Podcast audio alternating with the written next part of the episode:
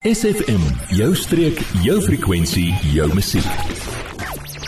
In die ateljee vanmôre vir Gerda Versagie van die Hartenbos Apteek. Gerda, kan jy glo al 2024 gelukkige nuwe jaar?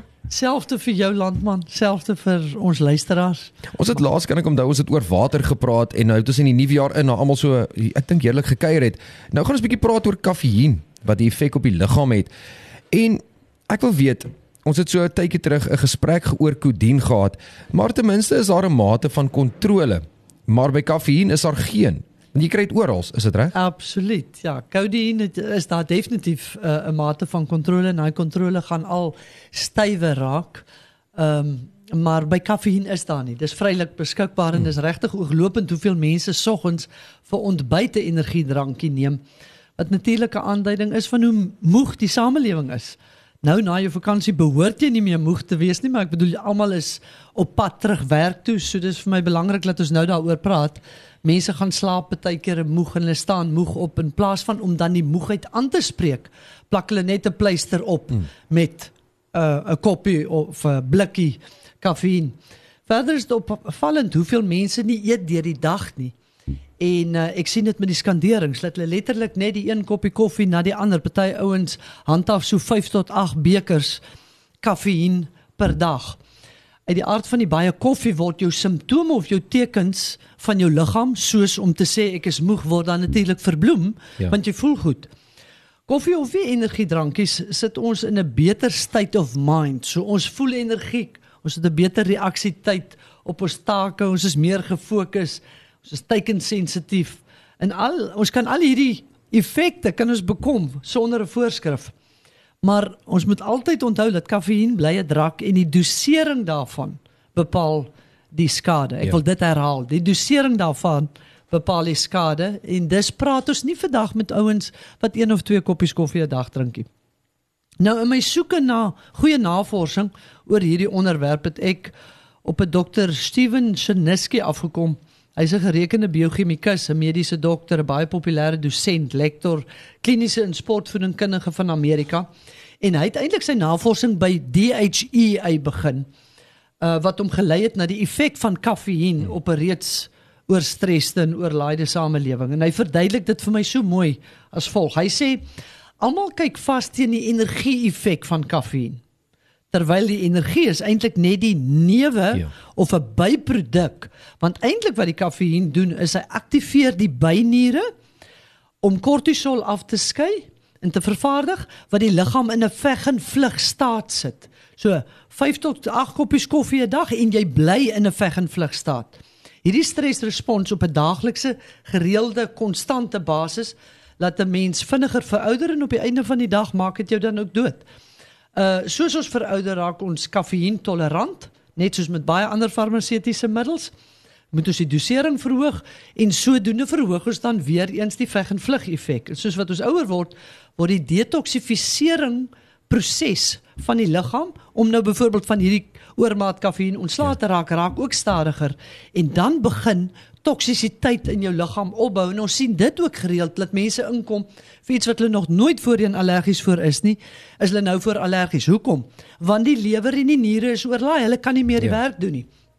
En die sportman wat hierdie onderhoud van hierdie podcast met Dr. Shiniski gevoer het vertel sy eie verhaal van hoe sy afrigter vir hom gesê het hoeveel kafeïn hy moet neem om 'n goeie bokser met goeie reaksietyd, wakkerheid en verstandelike fokus uh hoeveel koffiene hy moet inneem. So hy basies vir hom aanbeveel om permanent in 'n veg en vlug staat te wees. Jy het nou nog gepraat oor oor jy jy raak immuun daarteen, jy raak Ja, raak, jy raak tolerant. Jy raak tolerant daarvoor. So as jy nou een koppie ingooi of een lepel, naderhand gooi jy 2, naderhand gooi jy 3 en dit is dit is wat mense nie besef nie. Ja, ek sê altyd en dit geld vir enige drank uh wat 'n effek het op jou ehm um, liggaam se siege is as jy die dosering moet begin verhoog, dan moet dit vir jou rooi lig wees. Nee, verseker. Ons gaan na die breek gaan ons verder gesels oor die effek van kafeïen op die liggaam saam met Gerde Versagie van die Hartenbos Apteek. Word deel van ons Facebookblad vandag nog facebook.com vorentoe skuinstreepie sfm streek. Voor die breek het ons gesels van die effek van kaffieïn op die liggaam en in die atleet ek vir Gerda Versagie van die Hartenbos Apteek. Gerda, voor die breek het jy beklemtoon dat die hoeveelheid of dosering van kaffieïn bepaal hoeveel skade dit berokken en effek wat dit op die byniere het.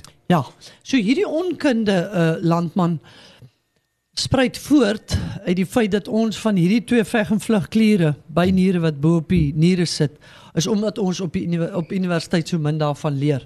En met die 21ste eeu samelewing wat nie eintlik koffie nodig het nie omdat die byniere so oorgestimuleer is in elk geval uh is bewusmaking en opleiding eintlik ons enigste redding.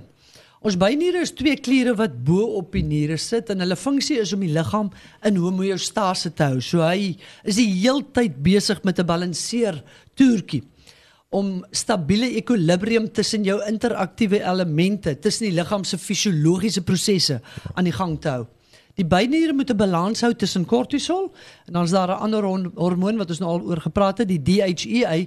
Nou Dr. Shiniski het omvattende navorsing gedoen oor DHEA en dit ingesluit in sy metabolic module of aging waar hy die balanseringsaksie van die byniere verduidelik tussen kortisol en DHEA.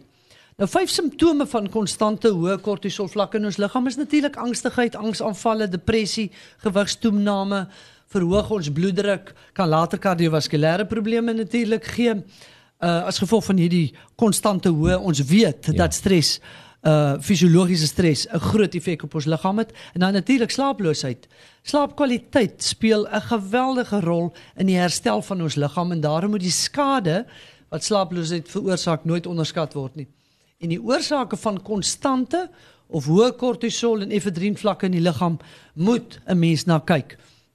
So as jy enige van hierdie simptome het, ja. onthou om vir jou dokter te sê as jy na hom toe gaan met hierdie simptome, hoeveel ehm um, kaffiein jy per dag inkry. Nou die DHEA, die ander hormoon wat die bynier, ook die lewer uh voor verantwoordelik is, se funksie is om die liggaam en die brein in repair mode te sit.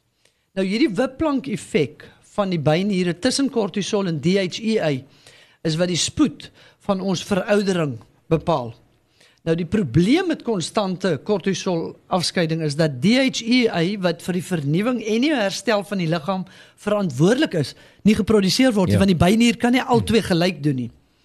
Uh en dan sien ons dit nou in die laaste tyd dat baie van jou dokters wat 'n holisties geïntegreerde benadering het, DHEA begin voorskryf vir hulle angstige, stresoorlaaide, depressiewe, vergeetagtige en dan nou die mense wat in my kategorie val, die menopausale pasiënte. Hulle begin die DHEA vir die ouens voorskryf om hierdie balans te herstel. En baie min mense besef eintlik wat se effek kaffiein op mense liggaam eintlik het. Nee, verseker want ek glo dat mense as hulle al die inligting gehad ja. het uh, hulle liggame nie sou oorlaai het met koffie nie. Ja, verseker.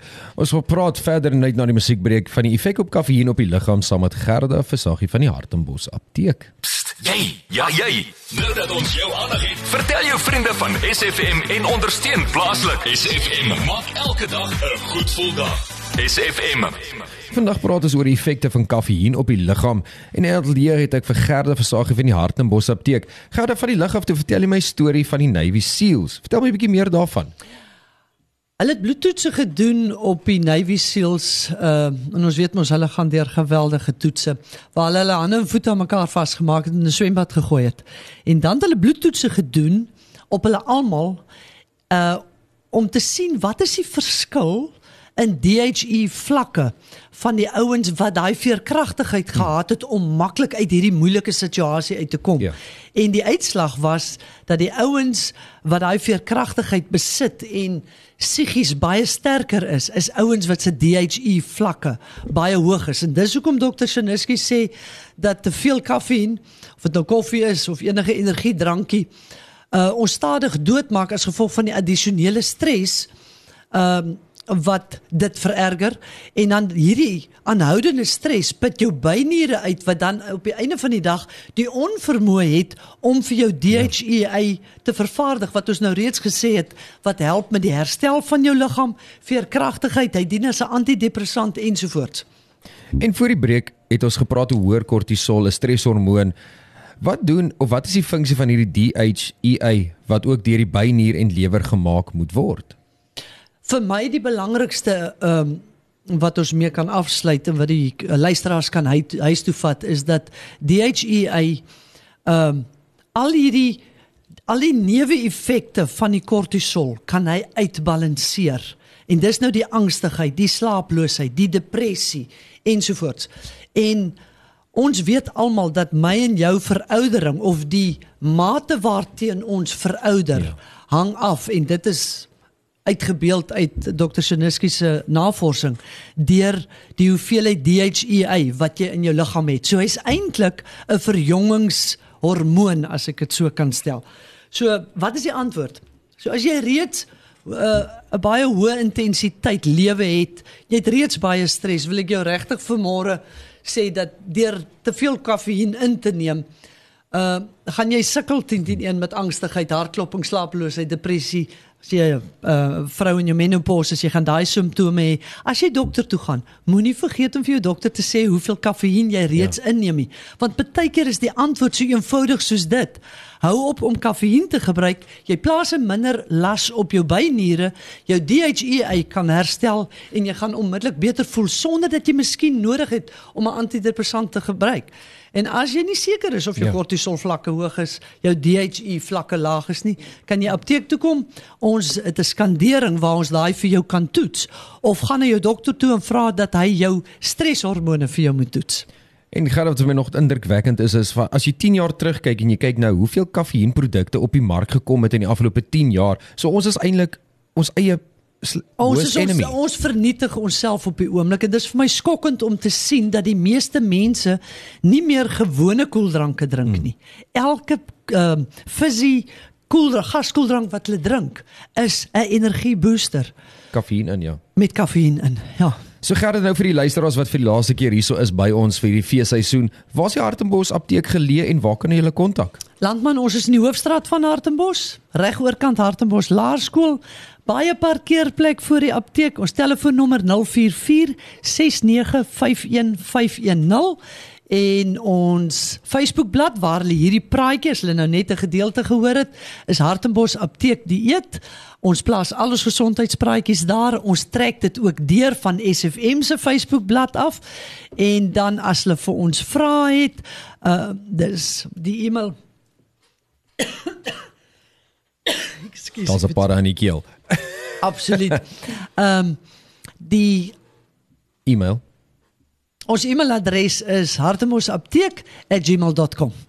En dan hoop en vertrou ons dat almal veilig terug gaan na hulle huise toe. Gerda baie dankie vir die eerste episode hierdie jaar. Ek gaan nog seker vele meer. Dus dankie dat jy kom inloer dit vandag. Baie dankie uh Landman en dankie aan al ons luisteraars. Adverteer jou besigheid vandag nog op SFM. Vir meer inligting skakel SFM gerus by 044 801 7811.